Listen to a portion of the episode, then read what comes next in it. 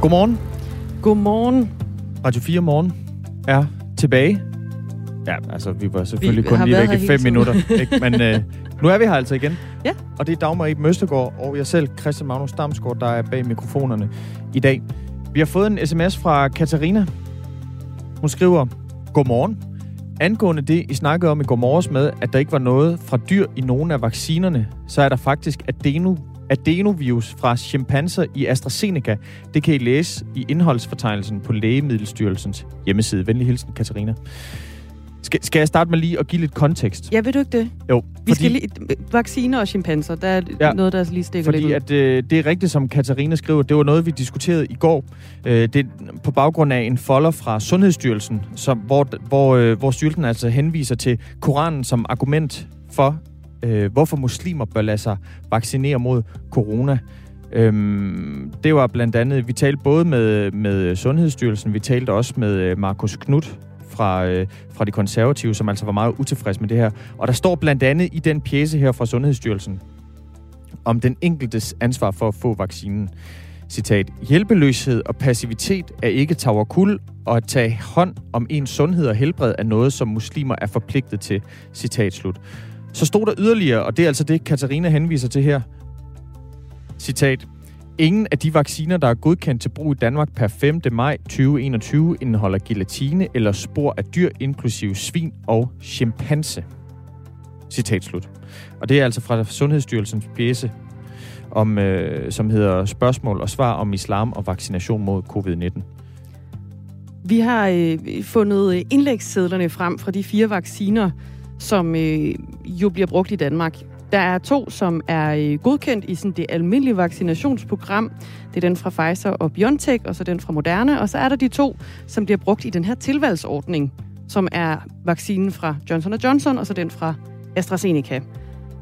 Og hvis man går ind på de her forskellige indlægssedler, nu har jeg ikke nået at få læst dem sådan helt igennem, kan man sige, men jeg har lavet et lille trick. Det hedder Ctrl F.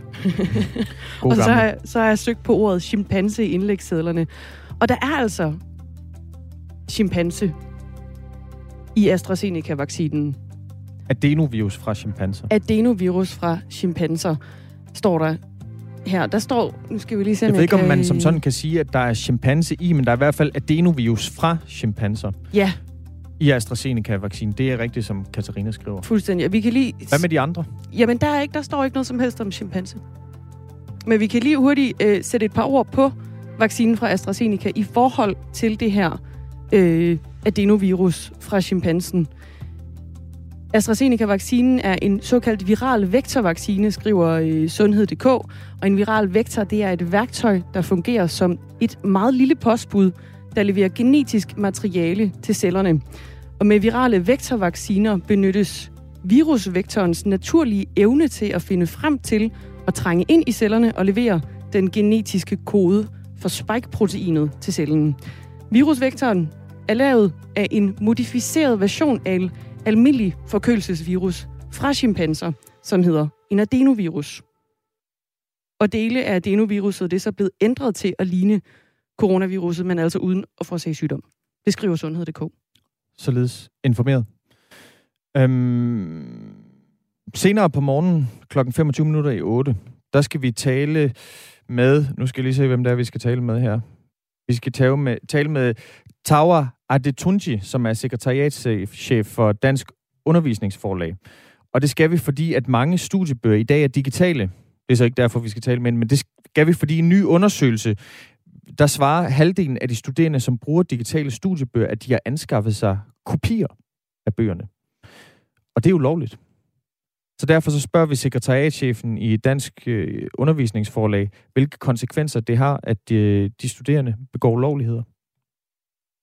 Vi skal altså også tale med øh, Jeppe Brugs, der er retsordfører for Socialdemokratiet. Det skal vi i forhold til den her øh, video, der er, må man sige, gået øh, viralt herhjemme, hvor en mand overfuser en familie ved Kastrup Havn. En familie med anden etnisk baggrund end, end dansk. Vi taler med Jeppe Brugs om den her video, og hvad der egentlig skal øh, gøres ved det. Klokken den er 10 minutter over syv. Det meget omtalte udrejsecenter og de mennesker, der bor der, øh, der skulle have været flyttet til, til Langeland, de fik altså sent i går aftes ændret deres skæbne. Udrejsecenter, det bliver nemlig, hvor det er, i Kærshovedgård ved IKAST. I hvert fald indtil videre. Sådan her lød det fra udlændinge- og integrationsminister Mathias Tesfaye, øh, da planerne om en placering på Langeland var droppet. Jeg er blevet mødt af et benspænd. Der er et flertal af Folketinget, der har sagt, at de synes, det er en dårlig beslutning, jeg har truffet. Og så sagde jeg så også i sidste uge, at vi kommer ikke til at trumle hen over Folketinget i den her sag. Og det er blevet bekræftet i aften, at øh, folk ønsker ikke, at der skal etableres et nyt udrejsecenter øh, på Langeland, som kan aflaste midtjyderne. Og så er vi slået tilbage i Ludo, og det betyder, at de her udvisningsdømte, de kommer til at fortsætte med at bo i Midtjylland. Og nu skal vi tale med en af dem, det hele handler om, og som kan se frem til at blive på Kærshovedgård, indtil videre i hvert fald. Det er dig, Jonas Tejbur. Det er rigtigt, Godmorgen. Godmorgen. Øhm, hvad betyder det for dig, hvis noget overhovedet, om du skal bo på Kærshovedgård eller Langeland? Jamen altså, i mit tilfælde, der bor hele min familie i Stor København, så der vil jeg ligesom førhen have en lang afstand til den, hvor jeg har lov til at søge to gange to dage udgang hjem til den. Så du har boet i, i Danmark i, i 31 år, og så bor du altså også i, i Danmark lige nu på, på tålt ophold. Du er, det er rigtigt. Du er statsløs kurder, ikke? Jo, det er korrekt. Så du kan, du kan blive sendt, øh, du kan vel blive sendt til både Iran og Irak?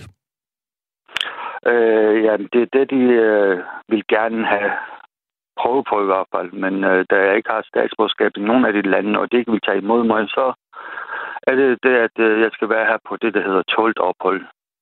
Mm. Du er også blevet udvisningsdømt. Er det ikke rigtigt? Det er rigtigt, ja. Hvorfor, hvorfor er du blevet det? Det er fordi, jeg har på en øh, dom, som øh, har haft, øh, hvad hedder det, udvisning ved oven i hatten. Mm. Hvad blev du dømt for? Jamen, det er jo noget narkokriminalitet. Hvad, kan du sige mere om det? Jamen, hvad skal jeg sige? Jeg har været indblandet i noget narkokriminalitet, og så har jeg fået 11 år i dom og bestandig udvisning. Okay. Øhm, der har været snakket meget om, øh, det er jo både øh, om dig, øh, Jonas Tejbur, men altså også øh, de mennesker, som du er sammen med på, på Kærshovedgård. Øhm, skal man være bange for at få dig som nabo? Øh, nej, det skal han absolut ikke være. Ikke øh, lige øh, mig, men øh, så der er jo 130 mennesker, som sidder i, i samme situation, som jeg gør. Og de sidder på alt muligt blandet kriminalitet, som de har begået og har på den dom og den udvisning, de har fået. Mm. Men øh, min oplevelse er, at folk som mig, som har boet i Danmark i mange år, har fået opholdsladelse, og så har begået kriminalitet og mistet deres opholdsladelse, at de vil meget gerne have en chance til at få blive her i Danmark, fordi at vi netop har boet i Danmark i så mange år, og vi har alle sammen familie her i Danmark og har fortid og relationer, og ja, vi har levet et dagligt øh, liv her i Danmark, som her fra Danmark. Mm. Synes du, du fortjener en chance til? Ja, det gør jeg. Mm. Absolut. Hvorfor? Hvorfor? Fordi jeg har afsonet min straf. Jeg har siddet 11 år fuldtid uden at gå en eneste ledsaget udgang eller noget som helst netop fordi jeg har haft udvisning, så derfor skal jeg have det ekstra hårdt og sidde dommen fuldt, indtil de kan finde ud af at udvise mig. Og da de ikke kan udvise mig, så nu sidder jeg i et nyt fængsel, som hedder bare, at, øh, at jeg må gå ud fra kl. 7 om morgenen til 11 om aftenen, men jeg skal være her, jeg skal sove her, jeg skal spise her, og jeg skal melde mig til politi hver eneste dag.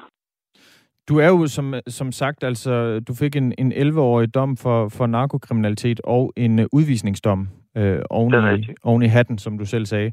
Øhm, ja. Hvorfor rejser du ikke øh, ud af Danmark? Jamen, hvis jeg kunne rejse ud af Danmark, så havde jeg gjort det for lang tid siden, for så kunne jeg netop blive løsladt på halv tid. Så skulle jeg kun have siddet fem og halvt år, så kunne jeg have været løsladt for seks år siden. Men som sagt, da jeg ikke har selv øh, statsforskab nogen steder, så kan jeg heller ikke rejse nogen steder. Jeg har ikke noget pas. Havde jeg et pas, så kunne jeg rejse. Mm. Der har også været meget snak om, øh, om ham øksemanden, der, øh, ja. der er jo brød ind og prøvet at slå øh, Kurt Vestergaard ihjel, altså tegneren bag øh, Mohammed-tegningerne. Ja. Øhm, kender du ham? Ja. Hvad er han for en? Ja, ja men han er en af de mest stille og rolige øh, mennesker, der kan gå på to ben. Høflig og mm.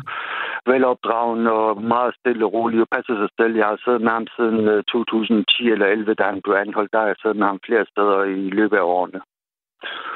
Høflig og velopdragen? Ja, det er han virkelig. Det, det... Ikke fordi jeg skal tage hans parti eller noget som, men som et menneske. Altså, hvad jeg har set og lært og hørt om ham, at, øh, at han har både øh, hvad hedder det, fortrudt det, og at, øh, ja, han angrer det, han har gjort, men øh, som sagt, altså, jeg skal ikke tage nogens parti og sådan, men øh, det var min oplevelse af at møde sådan en som mand som ham.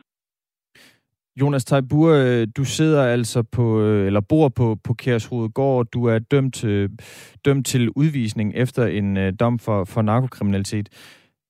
Ja. Jeg, jeg, jeg, jeg bider lidt mærke i her, at du, altså, du kalder ham, ham øksemorderen, som vi har talt om. Jeg tror, du er den første nogensinde, som jeg i hvert fald har hørt, der kalder ja. ham øh, økseterroristen der, øh, kalder ham høflig ja. og velopdragen. Ja, det er han som person. Ja. Er, er I venner? Nej, overhovedet ikke. Nej. Jeg har kan... bare mødt ham mange gange i, det, i løbet af de 11 år, jeg har siddet i fængsel. Så. Mm. Kan og du... jeg er kristen, skal jeg helst sige også. Hvad siger så. du? Og jeg er kristen, jeg er ikke muslim. Mm. Kan du forstå, ja. kan du forstå, hvorfor der er så mange, øh, der er rigtig nervøse for at få øh, dig og de 129 andre som, som nabo? Altså, jeg kan godt forstå det på den måde, at øh, når sådan en som Mathias Tesfaye, inden han har oprettet nogle steder som helst til os 130 mennesker, at han hælder benzin på bålen og siger, at jamen, han skal sikre beboerne og området med ekstra politi og ekstra døgnvært og jeg ved ikke hvad. Så er det klart, at befolkningen de går hen og bliver bange på, at Nå, men nu kommer der 130 kriminelle mennesker, og vi skal være bange, og vi skal låse os ind og alt muligt der. Og selvfølgelig er det forståeligt, at de bliver bange, og at de ikke vil have os som naboer. Men vi er mennesker, vi har begået vores kriminalitet, vi har afsonet vores dom, og de fleste af os har fortrudt det, og vil gerne tilbage til et normalt hverdagsliv igen. Så du kan ikke forstå, hvorfor man øh, som beboer for eksempel på Langeland skulle være bange for at få for eksempel øh, økseterroristen øh, som, som nabo eller, eller dig selv? Jo, det kan jeg da godt forstå, for det er den omdømme, vi får af medierne og, og, og af politikerne jo. Men det er jo ikke medierne, øh, som har begået narkokriminalitet. Det er heller ikke politikerne, der brød ind i øh, Kurt Vestergaards øh, bolig og forsøgte at slå ham ihjel. Det var jo øh, det var økseterroristen der. Det er rigtigt. Mm. Men altså, man begår en kriminalitet, man begår en fejl, og man betaler for sin fejl. Og det gør man uanset, hvad, hvad for en slags kriminalitet eller fejl, man har begået. Mm. Og bare fordi, at man har begået en fejl før, så er det ikke ens at man begår den samme fejl igen. Mathias Tesfaye, han siger altså, at hvis, hvis partierne kommer med forslag til andre mulige og nye placeringer, så er min dør altid åben, og jeg har kaffe på kanden, men som det ser ud nu, så betyder det desværre, at udrejsecentret forløbet må blive, hvor det er. Mathias Tesfaye, ja. han åbner altså op for, at der kan komme øh, andre muligheder eller placeringer. Øhm, betyder det noget for dig, Jonas Tejbur, øh, hvor, hvor du bliver placeret hen? Ja, selvfølgelig vil det betyde noget for mig, men altså igen, øh, altså ja, jeg følger bare med strømmen. Hvis øh, de siger til mig, at jeg skal flytte der, jamen, så skal jeg flytte der. Og øh, politikerne, de siger så meget. De vil gerne prøve på skille os ad, de forskellige øh, øh, folk, som sidder her med forskellige baggrunde, om de har været øh, afviste asylsøgere, eller om de har været øh, udviste kriminelle. Mm. Men altså, jeg ved ikke, hvad der skulle gøre godt for at øh, finde et nyt sted til det her. Så er der lige pludselig fokus, øh, som har været på et sted, så bliver det så lige pludselig spredt til to steder. For så skal man lige pludselig være nervøs og bange for, at jamen, det ene sted, der bor afviste asylansøgere, som kan være kriminelle, og det andet sted, jamen, der bor udviste kriminelle, som har været kriminelle i forvejen, og med jeres øh, synspunkt, så er vi stadigvæk 99,9 procent kriminelle. Tak fordi du var med, Jonas Tejbur. Selv tak. Det var så lidt. altså beboere på udrejsecenter Kærshovedgård, øh, som vi talte lidt både om, øh, om de øh, mennesker, der altså bor på Kærshovedgård og som skal blive boende, men altså også øh, om den øh, debat, der ligesom har, har været om de her 130 personer, hvoraf øh, der jo i hvert fald er øh, økse terroristen, altså personen, som øh, forsøgte at bryde ind hos øh, tegner Kurt Vestergaard. Kurt Vestergaard, der altså tegnede den her Mohammed-tegning. Øhm, det var vist øh, Mohammed med en bombe i turbanen, som var den mm. tegning, Kurt Vestergaard stod bag. Klokken den er 20 minutter over syv. Og med bare to måneder til OL i Tokyo, så opfordrer en af de øh, officielle samarbejdspartnere for lejene til, at de skal aflyses. Det er den japanske avis Asahi Shimbun, som øh, opfordrer til at aflyse hele, hele OL simpelthen i, øh, i Tokyo. Avisen peger blandt andet på øh, risikoen for smittespredning med coronavirus, og så også et øget pres på Japans øh, sundhedsvæsen, øh, som årsager til, at man altså bør trække stikket og det, altså, det er som om hver uge, så er der nogle øh, markante sponsorer, eller markante organisationer, eller markante foreninger. Og i meningsmålinger også jo. Og meningsmålinger i, i Japan, som er ude at agitere for, at man simpelthen aflyser OL. Ja, men som det ser ud lige nu, ja. så er det altså stadigvæk en begivenhed, som, øh, som bliver afholdt. Danske atleter, de øh, skal vaccineres. Det har de fået en lovning på, at de kan få lov til, inden de bliver skibet afsted til Japan. Øh, men der er altså ret stor... Øh, ja, vi kan sige utilfredshed med, at det her det overhovedet skal, skal afholdes. Og lige nu er der jo øh, nødretstilstand i Japan, øh, som blandt andet betyder, at bare restauranter de er lukket i Tokyo øh, og sportsbegivenheder, de afholdes uden tilskuere. Det kan jo være sådan en lille smule spøjs, når man tænker på, at øh, der skal afholdes et OL om bare, øh, bare to måneder. Og lige nu der øh, registrerer Japan dagligt omkring 6.000 nye øh, smittetilfælde med coronavirus om dagen. Og det er jo altså fortsat uklart om, hvorvidt der bliver tilskuere til OL eller ej. Man har i hvert fald lukket for, at der kommer øh, internationale tilskuere, ikke? Men øh, spørgsmålet er, om der kan komme japanske tilskuere på de forskellige øh, stadions øh, under OL. Det er også noget, vi fortsat øh, venter på, på svar på. Øhm, ifølge Our World Data, der er knap 3% af den japanske befolkning vaccineret. Der bor altså 127 øh, millioner øh, mennesker i, i Japan. Og den seneste meningsmåling øh, har altså også øh, vist, at et flertal af den japanske befolkning er imod at afholde OL den her sommer. Vi forsøger øh, her til morgen også at øh, løbe en hjem, som kan sige noget bevinget om, hvad det betyder, når den her samarbejdspartner går ud og siger, at man bør øh, aflyse øh, OL. Det kommer jo kølvandet på en hel masse andre opfordringer til at øh, aflyse selv sammen. Så det forsøger vi altså at, øh, at løbe noget hjem på her til morgen for at få et svar på, hvad det her det kan komme til at betyde for sommerens OL i Tokyo.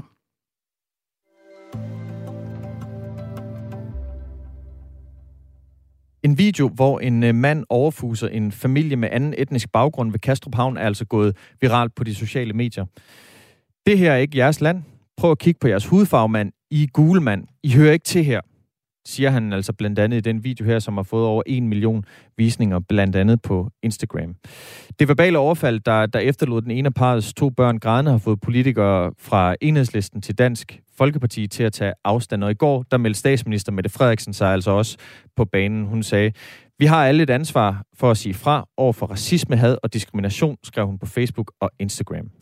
Men hvad skal vi egentlig stille op med racismen og diskriminationen her til lands? Og er de love og regler og initiativer, vi har i dag, er det nok, eller er der egentlig brug for mere? Det skal vi snakke med dig om, Jeppe Brugs. Godmorgen. Godmorgen. Retsordfører for øh, Socialdemokratiet. Og det var jo egentlig meningen, at øh, du skulle have debatteret med Radikales Samira Navar, men hun har altså desværre meldt afbud øh, sent i aften. Så derfor så har vi øh, dig med på den her historie. Og hvad synes du egentlig om øh, den her episode, der udspillede sig ved øh, Kastrup Havn, vi lige fik beskrevet? Jamen, jeg synes jo, at det man ser, øh, og det manden siger, så er det jo altså, øh, dybt stødende og forkasteligt og forarveligt, og noget, jeg tænker, vi alle sammen øh, tager dyb afstand fra øh, jeg er nødt til, og det gør jeg altid, uanset omstændighederne, jeg vil altid have et forbehold, når man ser en video, øh, for hvordan episoden ellers spiller sig ud. Men man kan sige ligegyldigt hvad, og hvad der ellers er omstændighederne omkring den episode, øh, så er der jo intet, der kan retfærdiggøre det, han står og siger. Og, øh, og, og det er, som man jo kan se, nærmest jo rendyrket racisme, øh, og noget, som, som vi jo på ingen måde skal finde os i. Og kvinden har altså anmeldt den her sag til Københavns politi, kvinde, der optog videoen, som er gået viralt. Og Rigspolitiets nyeste optælling viser, at antallet af hadforbrydelser de stiger i Danmark, og det samme det gør andelen, der er racistisk eller religiøst motiveret, fra øh, 449 sager i 2018 til 569 sager i øh, 2019. Og vi skal lige understrege her, at manden i den her video er altså ikke dømt for racisme, hadforbrydelse eller for overtrædelse af, af ordensbekendtgørelsen, men han er altså øh, anmeldt til Københavns politi. Jeppe Brus, du sætter nogle grimme ord på, hvad der også øh, udspillede sig ved Kastrup Havn. Den her slags diskrimination, hvordan kommer vi den til livs? Jamen, det, øh, det skal der jo rigtig meget til. Altså, det tror jeg, vi alle sammen kender, øh, at, øh, at eller sådan er klar over, at det, det er der jo ikke et snuptag til at gøre. Altså, det handler jo om rigtig mange forskellige ting. Altså, fra uddannelse til vores sådan, øh, kultur, til vores normer, øh, og selvfølgelig kan lovgivning også spille en rolle i forhold til at sætte retning på, hvad, hvad der er acceptabelt og hvad der ikke er acceptabelt. Men, men vi har hvide rammer for, hvad man må sige og ytre sig om i Danmark. Øh, en diskussion, vi ofte har om at værne om ytringsfriheden. Og samtidig så er det klart, så er der nogle begrænsninger i forhold til, hvad man må og hvad man ikke må. Øh, og man må for eksempel ikke true folk øh, eller nedværdige grupper på baggrund af deres race eller religion eller øh, seksualitet og, og så videre. Øh, men men jeg, altså, det er jo en, en og derfor det, synes jeg også, det er godt, at vi har den her diskussion, for jeg tror faktisk, det, at vi debatterer de her ting med hinanden, også er med til at forme vores normer som samfund, og hvad vi vil finde os i, hvad vi ikke vil finde os i. Mm. Radikale Venstre de kom sidste år med en national handlingsplan mod racisme og øh, diskrimination, og partiets bud det inkluderer blandt andet en øh, oprydning i lovgivningen med fjernelse af øh, etnicitetskriteriet i ghetto-lovgivningen. Det er et afgørende kriterie, der, der adskiller en ghetto fra et udsat boligområde. Og derudover så vil de også nedsætte en uvildig ekspertgruppe, som skal undersøge omfanget af racisme og, og diskrimination. Jeppe Brugs, Sidste år der sagde statsminister Mette Frederiksen, at hun ville udarbejde en handlingsplan mod antisemitisme og jødehad.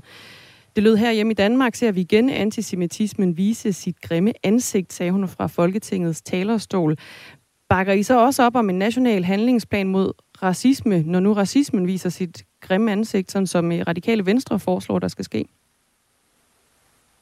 Ja, nu er det selvfølgelig ærgerligt, at jeg ikke kan diskutere direkte med, med de radikale. Ja, men, ærgerligt, ja. Men, men, men, øh, men det er jo så, hvad det er. Altså, i forhold til det første, du siger, med det forslag om for eksempel at kigge på etnicitet, eller hvad det nu er, i forhold til, til ghettolisten. Jeg tror faktisk ikke, at etnicitet i sig selv er et, et kriterie, men, øh, men, men mere ind til øh, sådan øh, baggrund i forhold til, hvor mange med en anden etnisk baggrund, der, der bor i forskellige områder. Så er det et meget godt eksempel på, at hvis, hvis de radikale opfatter det som racisme, øh, det har jeg jo bestemt ingen overhovedet øh, altså opfattelse af, at det skulle være, have noget som helst med racisme at gøre. Øh, det har noget helt andet at gøre omkring vores boligområder. Øh, og, og derfor er det jo fint at have en diskussion med hinanden om, øh, hvad, hvad er racisme? Øh, hvad kan vi gøre for at sætte ind over for det? Øh, det er rigtigt, vi har lavet en handlingsplan i forhold til jøderne, øh, fordi vi ser et, et, et, et stigende problem med antisemitisme i Europa og Danmark. Jamen det er det, jeg er i gang med altså, øh, lige at svare på, at, at øh, øh, og vi har øh, politibeskyttelse af de jødiske institutioner, øh, politibeskyttelse af den jødiske skole, Karolineskolen osv., øh, som er ret voldsomt og ekstremt. Øh, vi har sådan set ikke noget mod handlingsplaner. Det jeg bare forsøger at sige, det er, at hvis der er folk, der har gode forslag til, øh, hvad vi skal gøre i forhold til at bekæmpe racisme, så er de mere end velkomne. Øh, jeg har ofte dialog med mange forskellige grupper omkring det. Vi foretrækker faktisk at handle. Og det vi gjorde i for eksempel i politiaftalen før jul, det var at lave et helt selvstændigt øh, fokus på hadforbrydelser. Øh, så politiet bliver bedre uddannet, bedre trænet i at opdage, hvornår hadforbrydelser er der.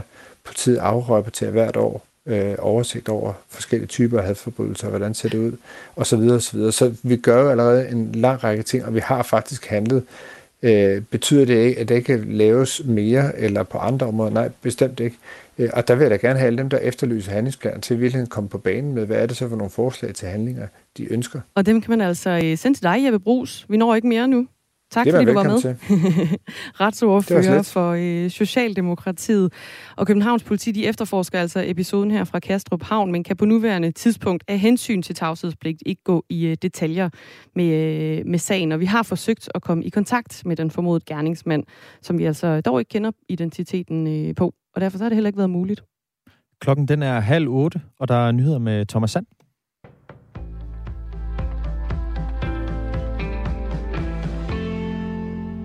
Hver dag tækker der nye sager ind hos Hvidvasksekretariatet, hvor banker og revisorer mistænker, at en person eller en virksomhed svindler med corona-hjælpepakker.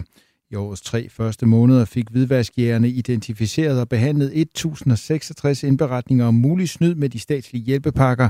Det fortæller Jørgen Andersen, der er vicepolitiinspektør og afdelingsleder i Hvidvasksekretariatet, der hører under bagmandspolitiet. Når underretningen kommer ind, så også kvalitetssikrer vi den. Altså vi tjekker simpelthen om mistankegrundlaget. Det er også øh, øh, kan vi sige, understøtter den øh, mistanke, der ligesom er, er rejst i underretningen.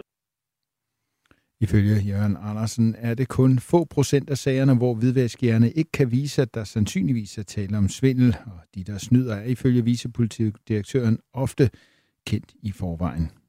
Når man som samfund øh, stiller en honningkrukke ind på bordet med rigtig mange milliarder, så er der jo nogle af, af dem, som i forvejen øh, øh begår økonomisk kriminalitet, de forsøger jo at udnytte de her nye ordninger. Øh, de udnytter de netværk, de har, og de udnytter de selskabskonstruktioner, de har i forvejen, men vi kan også konstatere, at der er kommet nogle nye borgere på banen, som har lavet sig lokke af, af de her kompensationsordninger og forsøger at øh, opnå midler derfra på, på et uberettiget grundlag.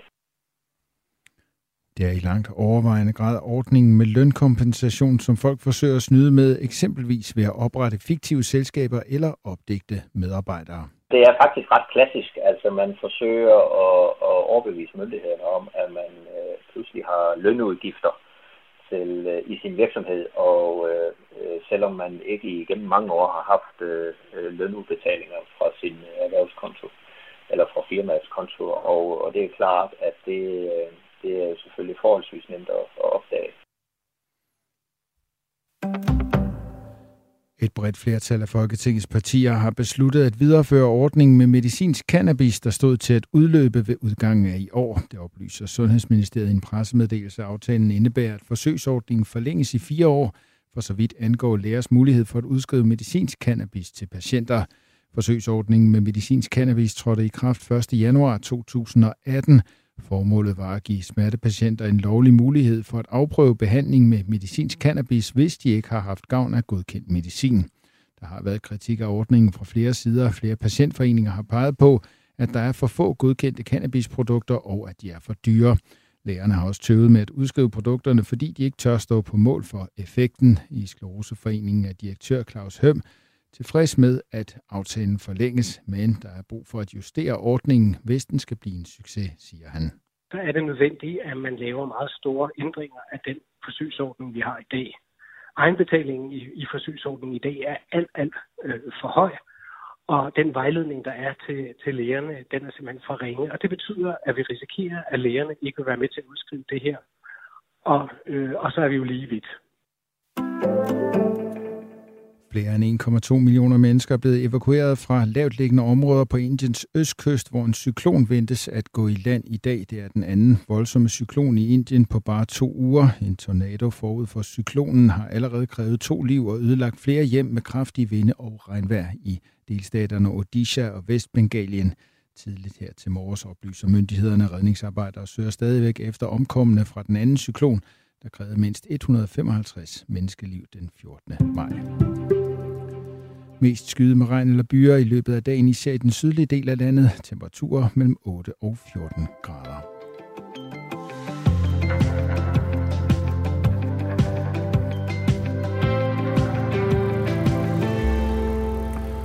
Godmorgen. Velmødt. Ja, velmødt. Det var uh, Thomas Sand med nyhederne. Han har uh, nyhedspinden her til morgen på uh, Radio 4, og det her det er Radio 4 morgen, du har tændt op for. Klokken den er 25 minutter i 8. og i studiet her sidder Christian Magnus Damsgaard og Dagmar Eben Østergaard. Senere på, på morgenen, det gør vi jo altid, vi fortæller altid, hvad kommer der til at ske senere? Ikke? Så er lidt Så er der lidt at se frem til. og det, I blandt andet kan se frem til, det er en øh, sag om øh, hvidvask. Fordi hver dag, der tækker der nye sager ind hos hvidvasksekretariatet, hvor banker og revisorer, de mistænker, at en person eller en virksomhed svindler med coronahjælpepakker. Og det er jo dine og mine penge, der bliver svindlet med. I årets øh, tre første måneder, der fik hvidvaskjerne identificeret og behandlet mere end 1.000 indberetninger om mulig snyd med de statslige hjælpepakker. Og vi taler altså med Jørgen Andersen, som er vispolitiinspektør og afdelingsleder i hvidvasksekretariatet under Bagmandspolitiet, SØIK. Og det gør vi klokken, skal vi sige, skal vi sige 10 minutter i 8? Ja, det har jeg lyst til at sige. Ja.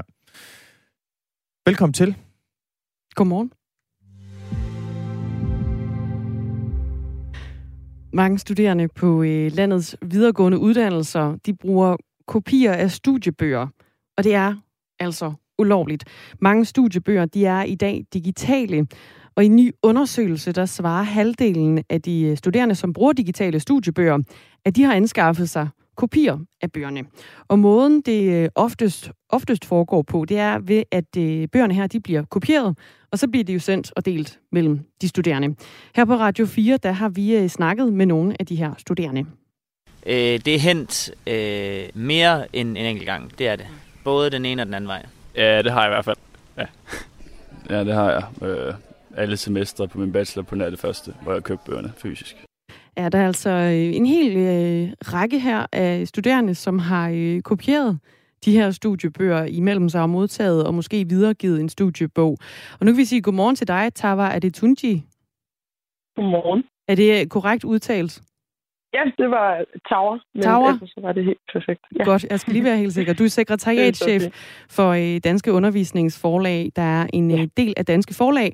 Og her varetager I øh, undervisningsforlagenes særlige interesser og arbejder altså for at skabe de bedste rammevilkår for udgivelse af læremidler, altså lærebøger, mm. studiebøger. når de studerende de anskaffer sig de her digitale studiebøger på ulovlig vis, så har det ifølge jer konsekvenser. Vil du ikke lige prøve at starte med at sætte et par ord på, hvad det er for nogle konsekvenser? Jo, jeg tror, at det, man skal starte med at, at ligesom have for øje, det er jo, at, at det her er en del af en fødekæde. Altså, der bliver, der bliver udgivet øh, undervisningsmateriale af høj kvalitet til et relativt lille sprogområde, som er Danmark. Øhm, og det skal selvfølgelig være en forretning, der, der er, der er øh, sund. Øhm, så hvis, når man har studerende, som foretager ulovlig kopiering, så er det klart, så, så er det ekstremt volatilt øh, over for den, øh, det, det, den forretningsmodel, der er bag. Øh, fordi det er dyrt at producere øh, undervisningsmateriale.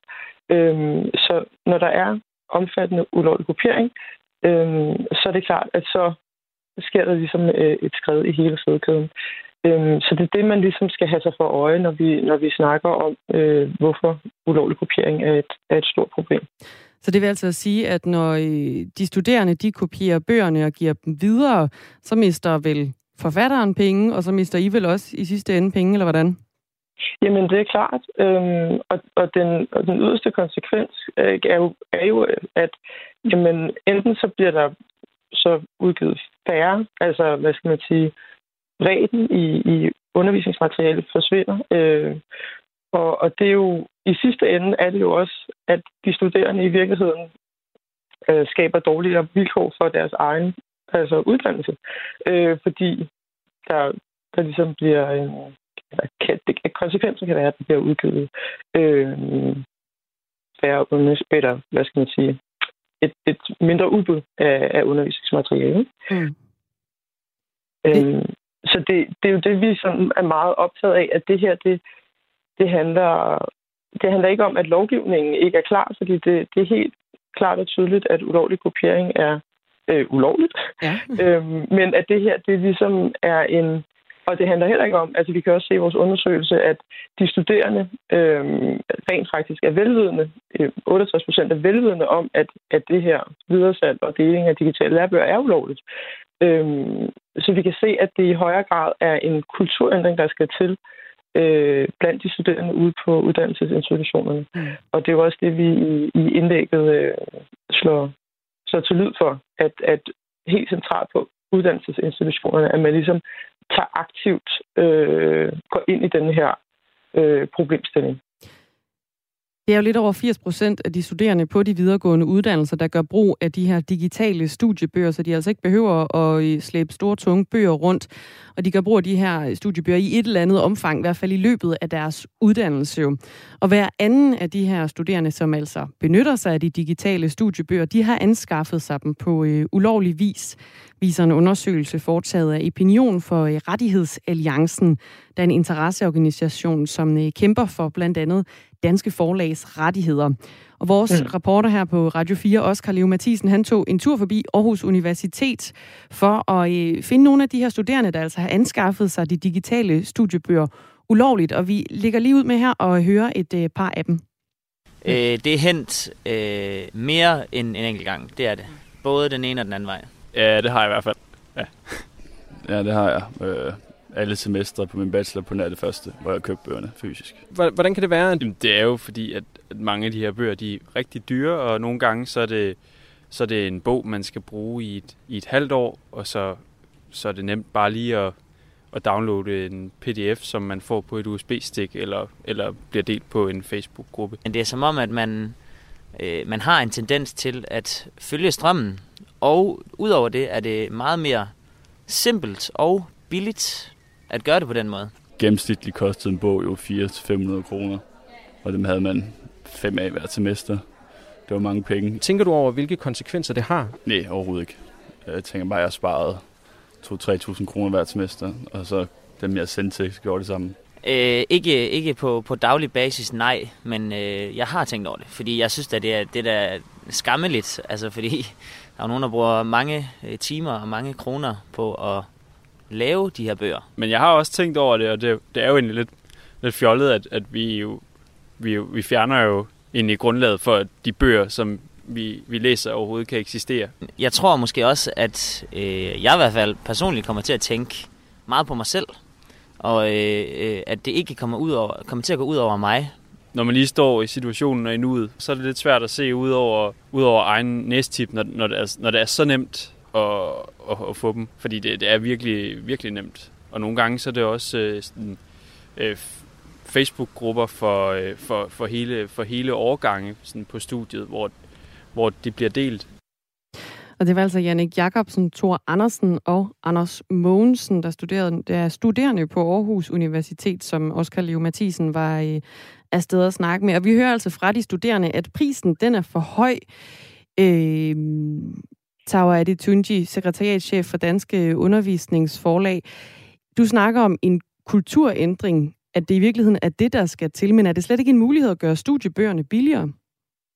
Altså, vi anerkender øh, fra undervisningsforlægens side, at, at prisen altså på undervisningsmateriale er høj. Øhm, og, og det er jo, altså som jeg også sagde indledningsvis, det hænger jo også sammen med, at der er jo et helt produktionsapparat, når man skal udvikle undervisningsmateriale og udgive det, og øh, som du også selv er inde på, altså forfatteren skal jo også ligesom se en forretningsmodel i at, at udvikle det her materiale. Så, så man kan sige, der er simpelthen høje omkostninger ved at producere undervisningsmateriale. Og når man så også har et øh, lille sporområde som dansk, altså hvor man ikke bare kan sige, nu, nu producerer vi den, og så har vi et flere million marked øh, derude, fordi det kan være på engelsk, men, men at det ligesom er til det danske marked, så, så er det bare vigtigt at, at forstå, at, at vi er i en fødekæde, hvor, øh, hvor at det, at der sker ulovlig kopiering, faktisk altså, har netop den, det starter den negative spiral øh, i forhold til færre originale kvalitetsudgivelser, og desværre også, at der kan være altså, en, en afsmitning på prissætningen. Øhm, og det jeg egentlig, men det jeg egentlig også bemærker mærke i, at de studerende siger, det er jo sådan, de siger jo også indirekte, jamen, det, man følger lidt strømmen. Det, det er så nemt. Det bliver lagt ud hvor man kan sige, at det taler jo lige præcis ind i den dagsorden, vi, vi forsøger at rejse med det her, at det i høj grad, der er selvfølgelig altid nogen, der vil gøre det uanset hvad. Der var en af dem, der sagde, det tænker jeg slet ikke på. Mm. Men jeg hørte faktisk, at, at, at der var faktisk to andre, der sagde, det, det er faktisk noget, jeg tænker over. Jeg købte dem faktisk også øh, ved mit første semester, men så træder man ind i sådan en, nej, det er okay. Og hvis man ikke ville som studerende træde ind i sådan en, det er okay, men ville møde, det er ikke en del af den her uddannelsesinstitutionskultur. Det er ikke noget, vi accepterer. Øhm, vi, vi gør det øh, måske også i højere grad, øh, hvad skal man sige, sætter fokus på, at altså, man kan jo også købe sine bøger brugt. Øh, det er jo helt fint, og så har man sådan en øh, deleøkonomi i stedet for. Altså, det, det er jo meget positivt. Men strømmen er der øhm. jo nu engang alligevel, og det betyder jo, at, at der er relativt mange, som rent faktisk skaffer sig de her digitale studiebøger ulovligt. Gør I sig selv nok for at forhindre, at det overhovedet sker? Altså, man kan sige, der øhm, vi forsøger jo, altså det er jo noget, der er meget, meget opmærksomhed på, hvordan kan man sikre, øhm, altså digitale studiebøger, men det vi jo desværre ser, det er altså lidt den gamle, hvor der er vilje, er der vej. Altså det, det er simpelthen, så det er indskaldet pdf'er, altså som ligesom er en fil, og så bliver de delt. Øhm, så så det, er, det er selvfølgelig noget, vi har stor opmærksomhed på, men vi må også bare konstatere, at, at, at, at øh, hvad skal man sige, der er en stor kreativitet i forhold til, øh, hvordan man ligesom kan skabe adgang til at dele, men også at, som der også er nogle af de studerende, der siger, det er jo bare en fil på en skærm. Men er I så også øhm. kreativt den anden vej i forhold til at forhindre, at det sker? Hvordan gør I? Jamen, vi forsøger, der er jo, øh, der er jo mulighed for at sikre, øh, det er M-sikring, mener det hedder, øh, filerne, men, men der er også sådan en helt særskilt problematik omkring, at det, det ofte er noget materiale, som kommer via Nota, som er øh, sådan øh, handicapvenlig øh, læsnings, øh, hvad skal man sige, format. Øh, og der er sikringen ikke mulig at, at ligesom, øh, hvad skal man sige, lave på så højt niveau, fordi så går det ud over den mulighed, der er for at, at kunne læse, som, hvis man har et læsehandicap for eksempel. Øh, så det er sådan en, der er mange problemstillinger ind i det her, som gør, at, øh, at det er en kæmpe udfordring øh, at, at sikre materialet faktisk. Der er en del lyttere, der har skrevet ind på 1424 og startet deres besked med R4 og et mellemrum. Øhm, Mark han skriver blandt andet, jeg har købt alle bøger. Åh, oh, der røg den lige væk. Jeg har købt alle bøger, øhm, men har også kopier på computeren, fordi billeder ofte bruges fra bøgerne i rapporter og større opgaver. Så skriver Claus også, start med at finde en ordning, således at de studerende rent faktisk har råd til at betale for deres undervisningsmateriale er prisen simpelthen for høj, og derfor så er de stakkels studerende nødt til at begå kriminalitet for at kunne følge deres studie? Altså, det, det mener vi jo ikke. Øhm, ja, vi anerkender, at, at studiebøger øhm, er en udgift, øh, når man er studerende. Øhm, men, men vi mener simpelthen ikke, at, at det er prisen alene, der gør, at der foregår den her øh, ulovlige kopiering. Øh, vi mener jo i højere grad, at det hænger sammen med, at der er en, en uhensigtsmæssig kultur, hvor den her ulovlige kopiering er accepteret, accepteret øh, og hvor der bliver også, altså blandt de studerende, bliver ligesom i talesat som sådan, jamen det kan man jo lige så godt gøre, fordi det er jo gratis. Men, men uanset hvad, så man kan jo ikke konkurrere med gratis. Altså, øh, og, og der er jo produktionsomkostninger ved at udgive øh, undervisningsmateriale af, øh, af en høj kvalitet og til et lille sporområde. Så det, det er det, man i høj grad skal have, have øje på, at der er en fødekæde, og den er de studerende jo en del af. Oscar Leo Mathisen, han snakkede også med to studerende i går, som øh, kom med et par løsningsforslag, og dem tager vi lige her i, til slut. Ja, fedt. Øh, jeg tror, at det vil hjælpe, hvis man opdaterede forretningsmodellen, fordi det forvejen er dyrt at studere, det forvejen dyrt at bo her i Aarhus. Og bare med musik med Spotify, at jeg tror, det vil hjælpe, hvis der kom en eller anden model, hvor man betalte måske 100 kroner om måneden, og så havde sine fem studiebøger per semester, eller hvad det nu er. Fordi det der med at give 3.000 lige nu, det er rigtig dyrt. Øh, I hvert fald personligt synes jeg, det kunne være fedt, hvis man måske kunne lave nogle udsnit af de her kæmpe store lærebøger. Øh, og så ligesom sælge dem grad, gradvist på en eller anden måde, så man sælger måske de første 100 sider, fordi det er det, man udelukkende skal bruge til det fag, man har. Tawa Adetunji, sekretariatchef for Danske Undervisningsforslag. Der var to forslag her, som jeg hørte det. Der var en øh, abonnementsordning, og så var der en mulighed for at købe øh, udsnit af bøger, i stedet for at skulle smide, jamen, kan vi sige 500 kroner på en hel bog, du skal bruge to kapitler af. Kunne det være en løsning? Jamen, vi er jo altså... En del af, af forlagene er jo allerede i gang med at se på, øhm, altså for eksempel Gyldendal har Study Hub, som, hvor man er i gang med at se på, jamen, hvor er der øh, de her muligheder for i højere grad at lave nogle abonnementsordninger, hvor de studerende har adgang til øh, deres øh, pensummateriale øh, i, i det tidsrum, de skal bruge. Øhm, så vi er jo altså meget opmærksomme på at prøve også, og, og selvfølgelig er der en, en udvikling i, øh, i, hos forlagene også. Øhm, men det kan bare aldrig retfærdiggøre, at, eller fjerne fokus fra, at det er ulovligt at kopiere. Og det synes jeg, vi skal holde fast i. Øhm, så det er rigtig dejligt med studerende, der også ser løsningsforslag, men øh, for det første er forlagene jo meget opmærksom på, på at udvikle tidsvarende løsninger, øh, men også at vi lige holder os for øje, at ulovlig kopiering er ulovligt. Tawa Adetunji, tak fordi du var med. Tak fordi jeg måtte. Sekretariatchef for Danske Undervisningsforlag, der altså er en del af Danske Forlag, og som varetager undervisningsforlagenes interesser i forhold til det her med at skabe bedre vilkår for øh, udgivelsen af øh, jamen, læremidler, studiebøger, ganske enkelt. Klokken den er 9 minutter i 8. Der er altså også kommet rigtig, rigtig, rigtig mange sms'er rigtig på 1424. Øhm, jeg, jeg tænker, vi kan lige rydde op i dem efterfølgende. Øh, der er altså også en, en masse gode forslag til, hvad man kan gøre for at komme det her problem til livs. Øhm, det kan vi lige tage bagefter, ja. øhm, Dagmar. Fordi nu skal det nemlig handle om øh, coronahjælpepakker.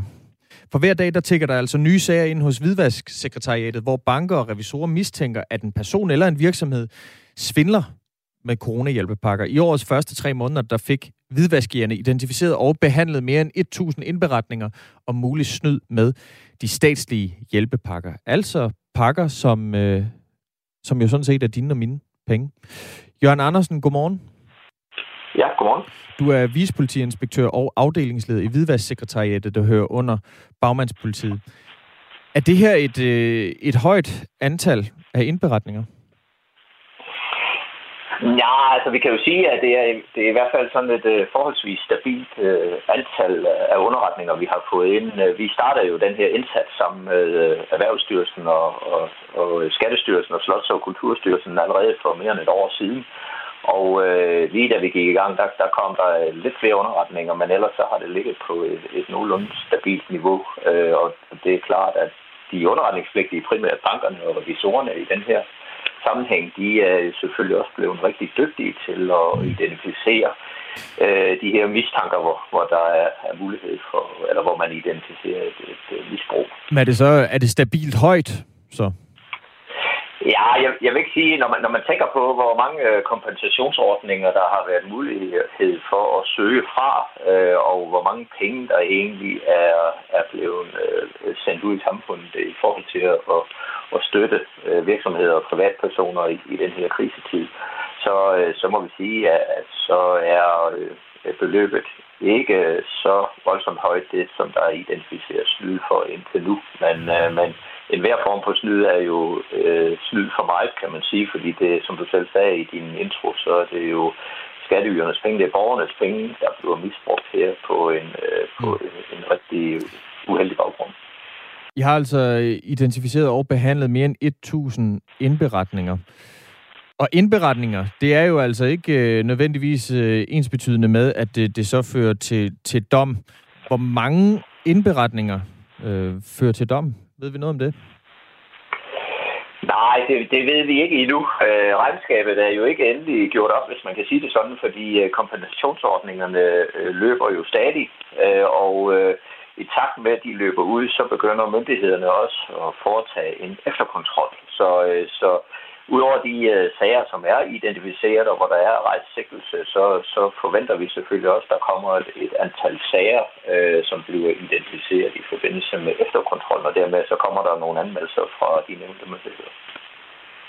Der er altså blandt andet en 42-årig kvinde, som er blevet idømt 10 måneders fængsel her i fire ubetinget forsvind med hjælpepakker, og hun skal desuden betale øh, godt en, en halv million kroner i, i tillægsbøde.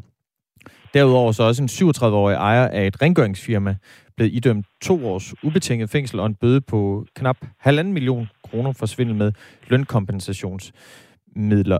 Er det sådan nogle sager her, som, øh, som I sådan hovedsageligt har i forbindelse med, med snyd med hjælpepakkerne? Ja, det må vi sige. Det er jo, øh, det er jo primært øh, det, som, øh, som de underretningspligtige bliver opmærksom på, og en af de ordninger, der, der bliver svindlet med, eller forsøgt svindlet med mest, det er øh, det er lønkompensationsordningen, altså hvor man øh, har et firma eller opretter et firma og forsøger at overbevise myndighederne om, at man også har haft lønudgifter. Så, men, men, men derudover så er der også en, en lang række andre informationer i de underretninger, vi modtager, som måske retter sig mere i, i, i mod øh, skatte- og momsunddragelse, og det er klart, at dem tager vi selvfølgelig også med og sender til, til den myndighed, der nu øh, kan have brug for det i forhold til den øh, øh hvad kan vi sige, efterforskning, der skal pågå det her sted. Jørgen Andersen, du er altså vicepolitiinspektør og afdelingsleder i Hvidvasksekretariatet, som hører under Bagmandspolitiet. Øh, og vi taler altså med dig, fordi at, øh, at de, i de første tre måneder af, af året, der blev der altså identificeret og behandlet mere end 1.000 indberetninger om, om mulig snyd med de statslige hjælpepakker, altså coronahjælpepakkerne. Kan vi, kan vi sige noget om på nuværende tidspunkt, hvad det er for nogle mennesker, der begår den type kriminalitet her? Nej, det er nok svært at, at putte dem i, øh, i nogle bestemte kasser, men, men det vi i hvert fald kan konstatere, det er, at øh, dem, som øh, var aktive kriminelle øh, i forhold til at forsøge at lave moms og skatteunddragelse og andre former for, for snyd over for det offentlige, og som har et netværk eller har nogle selskabskonstruktioner. Der er i hvert fald også nogle af dem, der har kastet sig ud i at forsøge at få øh, penge ud af de her kombinationsordninger. Men øh, vi må også nok øh, erkende, at der er også kommet nye borgere på banen. Altså der er, der er nye øh, øh spillere, som ikke tidligere har, har været kriminelle, som har lavet sig øh, friste af de her kompensationsordninger i håb om, at myndighederne ikke har styr på kontrolforanstaltningerne. Og øh, dem, dem ser vi altså også en, øh, en lang række af, altså simpelthen nye øh, spillere på banen, som øh, forsøger at, at misbruge de her ordninger. Har myndighederne så ikke haft styr på kontrolinstanserne? Jo, øh, det er min opfattelse, at øh, vi ret hurtigt fra myndighedssiden fik etableret et samarbejde med, med de relevante styrelser og, og med, med de underretningspligtige, og øh, der gik ikke øh, mange uger inden, at så, øh, så havde vi faktisk øh, rigtig godt styr på, på kontrolindsatserne. Og øh, øh, nu er det jo sådan, at nogle af ordningerne løber endnu, og før at det ligesom udløber, så kan man jo heller ikke øh, påstå, at nogen har snydt. Og derfor så, øh, så vil der jo komme løbende efterkontroller resten af året i år, og der vil formentlig også være nogle efterkontroller i, i begyndelsen af 2022 hos de enkelte myndigheder. Og det vil jo så udløse øh, nye politianmeldelser, hvis at man kan identificere, at nogen har fået udbetalt penge på et, øh, et falsk grundlag. Tak fordi du er med, Jørgen Andersen. Velkommen. Altså vicepolitiinspektør og afdelingsleder i Hvidvasksekretariatet, som hører under Bagmandspolitiet, bedre kendt som SØJK. Altså om, øh, om, at man i årets første tre måneder har fået mere end 1.000 indberetninger om mulig snyd med de statslige hjælpepakker, som jo er finansieret af både dig og mig. Vi vender lige for en øh, kort stund, inden der er nyheder med Thomas Sand, tilbage til den her historie om, at øh, mange studerende på landets videregående uddannelser, de bruger kopier af studiebøger øh, til deres studie, og det er altså ulovligt. Og det væltede jo ind med sms'er på den historie, da vi havde et interview med Tawa Adetunji, der er sekretariatchef for Danske Undervisningsforlag. Og der er kommet en masse forslag på sms'en for det, jeg skulle sige. Ja, nu er det så ikke lige et forslag, jeg sad og skulle til at læse op her, men det er bare et eksempel ja. på, hvad det kan koste at være studerende i Danmark. Bøgerne til mit første modul på fysioterapeutuddannelsen, altså et halvt semester, kostede 6.600 kroner. Enkelte bøger holdt dog øh, en stor del af uddannelsen, men det var virkelig mange penge, når man får 5.400 i SU. Nogle af de forslag, der så er kommet ind, der er en, der skriver her, øh, hvad med nogle lånemuligheder? Man tager studiegæld alligevel. Så nogle lånemuligheder, altså direkte bestemt myndet til øh, studiebøgerne. Man kan, man kan jo bare tage et SU-lån, Det kan man også gøre. og så i stedet for at bruge dem på at gå på café eller bar, så kan man bruge dem på at købe skolebøger. Dennis han foreslår også på 1424'eren, at man kan øremærke et bestemt beløb eller en procentdel af SU'en til studiebøgerne, så man altså er sikker på, at man øh, rent faktisk kan følge med det på det studie, man har valgt. Øhm, bop, bop, bop. Jeg havde markeret en, jeg lige ville læse, men nu kan jeg simpelthen ikke finde den igen. Der er simpelthen også, der er virkelig, virkelig mange. Der er en, der skriver, jeg håber, at disse universitetsstuderende husker deres ønsker om, at bøgerne skal være dyrere, når de som eksempelvis uddannet advokat tager 2.000 kroner plus i timen. Måske kunne de så gå forrest og sætte deres pris som advokat ned. Klokken er 8, og der er nyheder.